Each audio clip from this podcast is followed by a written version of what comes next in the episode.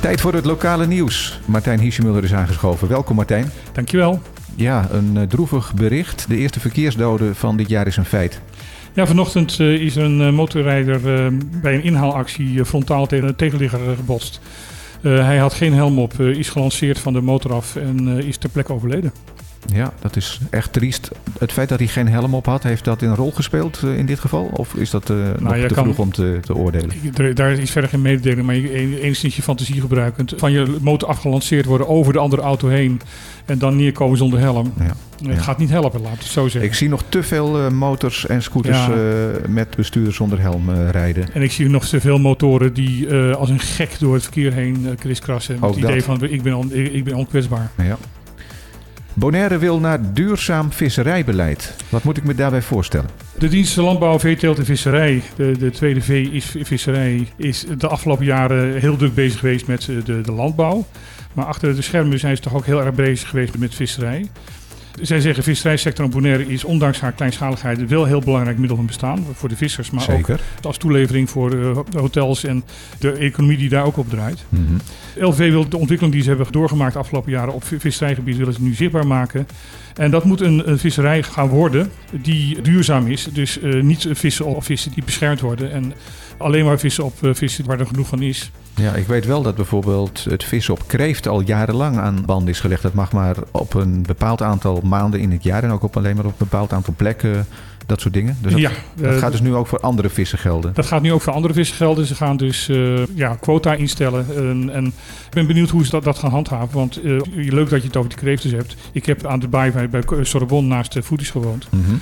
uh, hoe vaak ik s'nachts daar niet opeens zaklantaarns op het water zag op zoek naar. Ja. En daar heb ik nog, nog nooit een, een, een, handhaver gezien. Ja, inderdaad, zoals zo vaak. Het staat en valt bij uh, handhaven. Dan naar de Belastingdienst. Ja, die kwam uh, terecht, denk ik, negatief in het uh, nieuws vanwege die toeslagen die werden afgebouwd. En dat was eigenlijk niet van tevoren aangekondigd. Het blijkt dat het wel vaker misgaat met de communicatie als het gaat om Belastingdienst. Ja, Harold Linkels van Bonaire.nu heeft dat een beetje uitgezocht. En komt, komt de ontdekking van dat de Caribisch Nederland eh, gewoon heel erg lui in de communicatie naar de, naar de burgers toe is. Zij beweren zelf, wetwijzing wordt altijd gecommuniceerd met de Vereniging van Administratiekantoren en Belastingadviseurs en via Facebook. Nou ja, via Facebook, dat, is, dat vind ik nauwelijks een officieel kanaal te noemen. Ja. En er is ook niet te vinden op welke Facebookpagina ze dat dan doen. Uh, wat Linkers uh, ook zegt is van ja, het is heel opvallend dat, ze, dat de enige rijksdienst die uh, alleen maar in het Nederlands communiceert, de, de Rijksdienst Caribisch Nederland is, zelfs niet in het Engels, terwijl er dus twee eilanden zijn waar het Engels de, de voertaal is. Ja. Ja, toch nog even over Facebook. Want nu ik erover nadenk, het alternatief zou bijvoorbeeld zijn dat ze het in de krant publiceren. Ik noem maar wat in het Antilliaans Dagblad en in de Amigo. Maar ik denk dat ze daar minder mensen zullen bereiken dan bij het bekendmaken via hun, uh, hun Facebookpagina. Ja, maar RCN uh, gebruikt radio op dit moment heel erg sterk om uh, dingen te communiceren. En dat zou de Belastingdienst ook kunnen doen. Ja, dat is waar. Dat is waar. Er is een journalist al enige tijd met pensioen. Het gaat om René Zwart. Maar het lukt hem niet om echt afscheid te nemen van de Caribische journalistiek. Want uh, hij heeft een aantal jaar geleden het dossier Koninkrijksrelaties.nl in het leven geroepen. En volgens mij is er al een jubileum. Ja, het is nog maar één jaar oud. Oh, het is één jaar geleden. Het is okay. één, één, jaar geleden dat, ze, dat hij dit heeft opgezet. René Zwart is uh, ook de, de medeoprichter van het Antilliaans Dagblad. Hij is uh, de, de, oprichter daarvan. Ja, dan ken ik die naam daarvan. Het is een bekende journalist hier in, in, de omgeving. Hij is niet onomstreden, want hij heeft nu ook wel eens dingen gedaan zoals de journalistiek brengen, terwijl het eigenlijk gewoon een commercial was voor, voor één persoon. En daar zich ook voor laten betalen. Maar uh, ja, hij heeft als, als, als tegenargument daarvan jongens, anders kom je gewoon in Bonaire, in, in de Antillen gewoon niet rond. Ja. Anders heb je gewoon geen, geen Maar feit is dat hij goed is ingeburgerd in de Haagse politiek, hè? Hij is zeer goed ingeburgerd in de Haagse politiek. Hij is ook de grootste bron voor alles wat daar op dit moment gebeurt. Dat doet hij goed, dat kan ik anders zeggen. Hij heeft een eigen opinierubriek Kadushi. Ja. Uh, zo nu wat prikkelbaar, zoals hij dat dan zelf zegt. Daar heeft hij zijn eigen commentaren. En hij is degene die onder andere over die gevolgmachtigde minister van Curaçao regelmatig schrijft. Oké. Okay.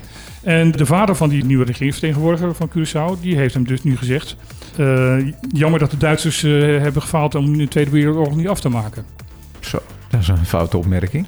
En René Zwart's eerste opmerking was van... jongens, ik ben van na de Tweede Wereldoorlog. Ja. Nou, laten we hier verder maar niet op ingaan. Nee. En die website, eh, moet je je daarop abonneren of is dat vrij toegankelijk voor iedereen? Dat is vrij toegankelijk voor iedereen. Dossier Koninkrijksrelaties.nl. Een geschil tussen de ABN AMRO Bank in Nederland en uh, rekeninghouders op de eilanden is eigenlijk in het voordeel van de ABN AMRO Bank uitgepakt. Ja, en dat is zeer opvallend, omdat nog vorig jaar een rechter in Nederland besliste ten gunste van de klant. Ja, waar gaat het om uh, eerst? Waar gaat het om is dat de ABN AMRO Bonaire rekent als buitenland. En daar dus een buitenlandtoeslag oplegt. Ja, volgens mij was het zo dat ze in eerste instantie zeiden... Uh, wij gaan alle rekeningen opzeggen ja. voor degenen ja. die op de eilanden wonen. Toen zijn ze teruggefloten ja. en toen zijn ze met die heffing gekomen. Toen zijn ze met die heffing gekomen.